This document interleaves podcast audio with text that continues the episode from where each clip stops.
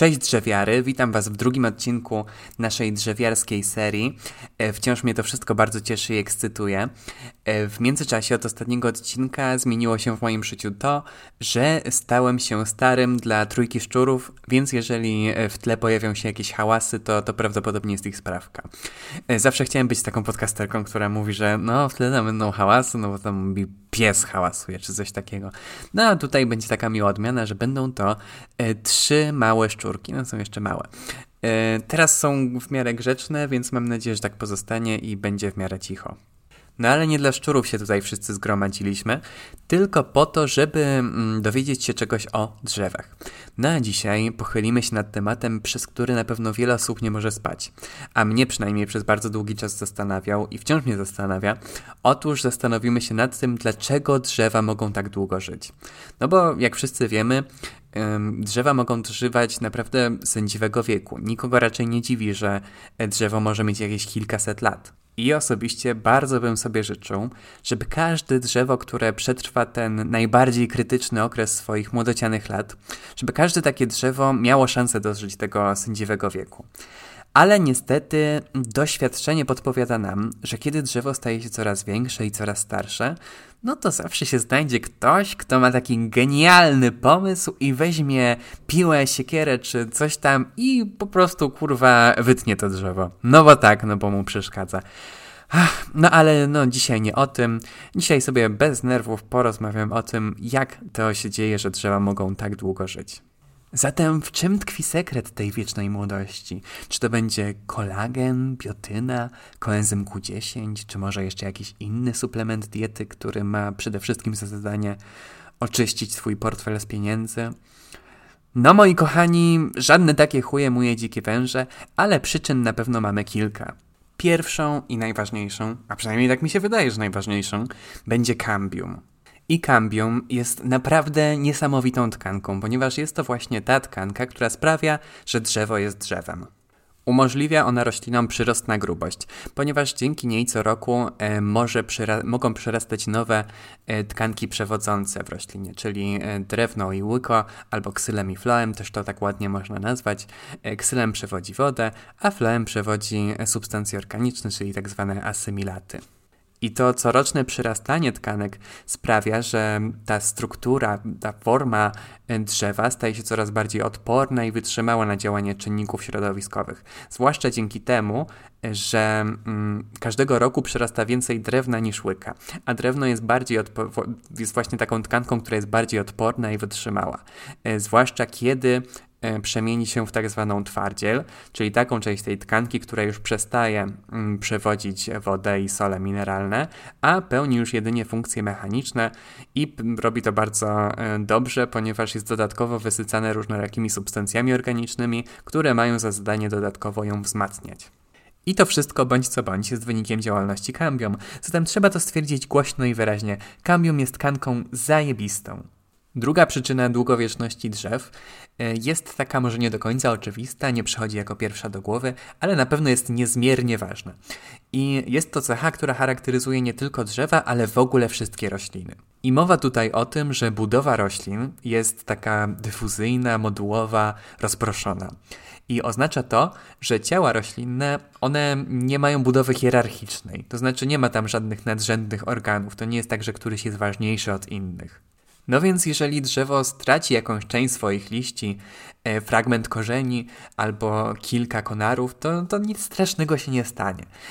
Owszem, przez jakiś czas to drzewo będzie osłabione i będzie się musiało zregenerować, ale do tej regeneracji finalnie dojdzie i będzie mogło sobie odbudować te wszystkie swoje utracone organy.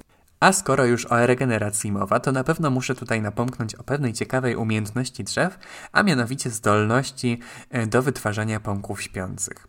Znaczy, no dobra, to nie jest może aż taka ekskluzywna zdolność drzew, ponieważ wiele roślin może wytwarzać pąki spoczynkowe. Są to wszystkie, wszystko rośliny wieloletnie oczywiście, ale e, drzewa, no i krzewy też, e, mogą wytwarzać z tych pąków pąki śpiące. Ale od początku, co to wszystko oznacza? Otóż, kiedy zbliża się koniec sezonu sezonu wegetacyjnego, no to wtedy na końcach gałęzi zawiązują się pąki spoczynkowe, E, które są osłonięte takimi skórzastymi osłonami i mm, one na wiosnę mogą się obudzić i wtedy wytwarzają nowe młode gałęzie. Ale życie, jak zwykle, jest strasznie przewrotne i postanawia robić wiele fikołków i okazuje się, że nie wszystkie pąki spoczynkowe tak chętnie się na wiosnę budzą. Niektóre pozostają w tym uśpieniu i przeradzają się w tak zwane pąki śpiące i w tym spoczynku mogą tkwić przez bardzo długi czas. Na tyle długi, że ym, z biegiem czasu mogą zostać przykryte tkankami odkładanymi przez kambium. Zatem znajdą się wtedy jakby pod powierzchnią e, pędów. I zapytacie pewnie w tym momencie, co z tego? No a ja wam powiem, co z tego. Bo kiedy dojdzie do nawet potencjalnie śmiertelnego dla drzewa uszkodzenia, e, powiedzmy z powodu wiatru, to wtedy pąki śpiące mogą się uaktywnić i wtedy zapoczątkują powstawanie całkiem to nowych gałęzi. I te gałęzie mogą powstawać w jakichś mega randomowych miejscach, na przykład w samym środku pnia. I z punktu widzenia długości życia drzew jest to bardzo korzystne, ponieważ nawet kiedy one zostaną poddane jakimś bardzo poważnym uszkodzeniom, to wtedy posiadają jakiś taki zapas pąków, e, który może im pozwolić na wytworzenie całkiem nowych gałęzi, które mogą zastąpić to, co utraciły.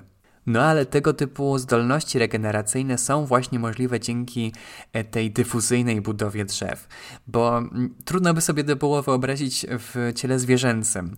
E, owszem, u niektórych prostszych zwierząt tego typu e, regeneracje są możliwe, że dojdzie do, jakiejś, do jakiegoś odnowienia pewnych części ciała. Jednak na przykład u zwierząt kręgowych to wcale już nie jest takie łatwe. Natomiast drzewa, no i inne rośliny w sumie też, tak potrafią i to z powodzeniem. No ale dobra. Drzewa mogą żyć długo, ale nie każde z nich jest zdolne do przeżycia, no nie wiem, powiedzmy tysiąca lat. Do tego zdolne są jedynie, jedynie niektóre gatunki i to jedynie z niektórych rodzajów. Do najstarszych drzew, które mogą zamieszkiwać kulę ziemską, czyli takich, które mogą dożywać więcej niż 2000 lat, należą drzewa z rodzajów Pinus, czyli sosna, Juniperus, czyli jałowiec, Sequoia, Sequoia dendron i Fitzroya. I można by sobie pomyśleć, że skoro te drzewa dożywają aż tak e, sędziwego wieku, to znaczy, że muszą żyć w jakichś takich fajnych warunkach. Ale okazuje się, że jednak nie, ponieważ tego typu drzewa są często narażone na różnorakie stresy środowiskowe, e, których raczej nie nazwalibyśmy sprzyjającym, e, sprzyjającymi długowieczności. No i na przykład sekwoja zamieszkuje takie siedliska, które często są narażone na pożary. A najstarsze żyjące na ziemi drzewa, czyli drzewa należące do gatunku Pinus longeva, czyli sosna długowieczna, które mogą żyć nawet 5000 lat, zamieszkują niezbyt przyjazne rejony, a mianowicie siedliska wysokogórskie. W ogóle 5000 lat, przecież to jest ogrom czasu. Ja sobie nie wyobrażam żyć tak długo. I to jeszcze żyć tak długo w jednym miejscu. Naprawdę te drzewa są absolutnie niesamowite. No ale dlaczego tak się dzieje, że te najbardziej długowieczne na Ziemi drzewa żyją w tak niesprzyjających siedliskach? Po pierwsze, w tego typu miejscach zachodzi bardzo silna selekcja, e, która sprawia, że mogą tam żyć tylko naprawdę bardzo mocne organizmy, które to wszystko wytrzymają i które to wszystko zniosą. Zatem te drzewa już od samego początku są naprawdę bardzo odporne na te wszystkie e, środowiskowe stresy i to właśnie też sprawia, że mogą bardzo długo żyć. Po drugie, w tego typu miejscach może się okazać, że nie ma zbyt wielu organizmów, które e, atakują drzewa, że tam nie ma zbyt wielu roślinożerców, nie ma zbyt wielu pasożytów i to również sprzyja długowieczności drzew. No i po trzecie, okazuje się, że te najdłużej żyjące drzewa na swoich początkowych etapach rozwoju były w jakiś sposób spowolnione. Właśnie przez warunki środowiskowe e, typu niska temperatura, niezbyt stabilne zasoby wodne, e, mało nutrientów, czyli związków odżywczych w podłożu e, itd. Tak no oczywiście nie zawsze się to sprawdza, nie sprawdza się to w, w przypadku sekwoi, no ale w przypadku e, tego najdłużej żyjącego drzewa, czyli sosny długowiecznej, no to już jak najbardziej. Takie drzewa rosną powoli, ale za to mogą żyć już naprawdę bardzo długo. A to z kolei nasuwa nam taki wniosek, że to nie jest tak, że to te największe drzewa są jednocześnie najstarsze. Bo tak naprawdę te najstarsze drzewa wcale nie mają aż tak imponujących rozmiarów, co nie zmienia faktu, że wyglądają e, naprawdę spektakularnie. I e, polecam sobie obejrzeć niektóre zdjęcia, na przykład drzewa Pinus longeva.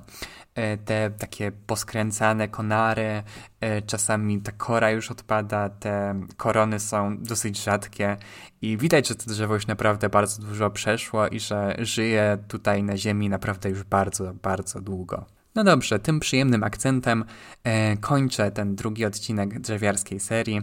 E, bardzo się cieszę, że tego słuchacie. Bardzo się cieszę, że są osoby, które nie zapomniały o tym podcaście. Bardzo się cieszę, że, ze wszystkich reakcji, które się pojawiły na ostatni odcinek.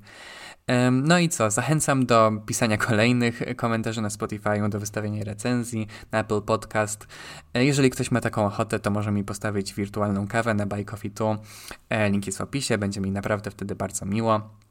Mm, no a na dzisiaj już faktycznie kończę. Do usłyszenia w następnym odcinku.